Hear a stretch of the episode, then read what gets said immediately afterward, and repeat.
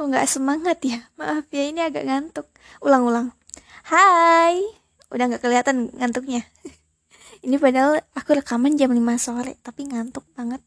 Mungkin karena kurang tidur, tapi enggak juga. Tadi malam tidur lumayan cepat daripada biasanya. Kok kok aku jadi curhat ya? Maaf ya, maaf. Skip, skip. Kalian pernah nggak ngerasa pasangan kalian itu baik banget hari ini, tapi besoknya langsung berubah 180 derajat. Dan ketika ditanya, kamu kenapa?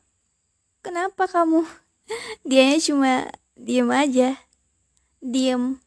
Nggak ngejelasin apa-apa. Atau mungkin pernah pasangan kalian ngehapusin kontak-kontak lawan jenis di HP kalian.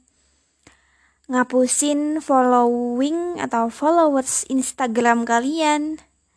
Atau sampai ngelakuin kekerasan fisik ke kalian. Tapi kalian karena udah saking cintanya, udah saking sayangnya jadi ya diterima aja perlakuannya. Mungkin mikirnya kayak salahku bikin dia cemburu kan biasanya kayak gitu karena cemburu ya jadinya dia hapusin sampai marah sampai mukul gitu ya kan. Padahal kalian udah tahu itu sakit. Sakit dan kalian rasain kan sakitnya. Tapi malah jadi candu. Bukannya diobati malah dibiarin gitu aja. Yap Udah tahu kan namanya toxic relationship.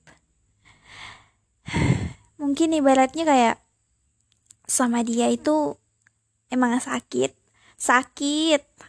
Tapi udah nyaman dan kalau ditinggalin takut nambah sakit. Sama dia itu emang sakit, tapi kalau nggak sama dia takut nggak ada lagi yang sayang sama aku nggak ada lagi yang merhatiin aku gitu kali ya pikirannya ya dia kan sayang sama aku cuma cara dia aja yang berbeda dari yang lain. Ya begitu mungkin ya pemikiran orang-orang yang ada di dalam hubungan ini. Gimana ya? Gini deh ibaratnya kalian sakit dan pergi ke rumah sakit pergi ke dokter. Pasti dokternya bakalan kasih obat kan, tapi selain kasih obat, biasanya dikasih tahu apa-apa aja yang harus kalian perbaiki.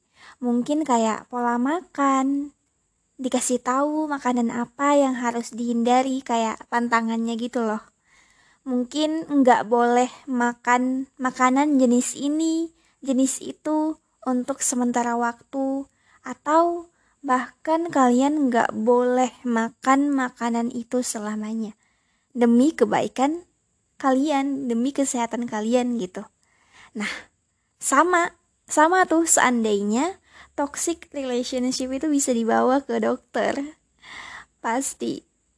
Dokternya kalau nggak nyuruh perbaiki hubungannya ya disuruh udahin tergantung tingkat apa ya keparahannya gitu kali ya kalau emang perilaku toksik ini udah nggak bisa diubah ya lebih baik ditinggalin. Tapi nggak bisa dipungkiri buat keluar dari hubungan ini emang susah itu sesusah itu. Makanya di judulnya pun aku tulis sakit itu candu.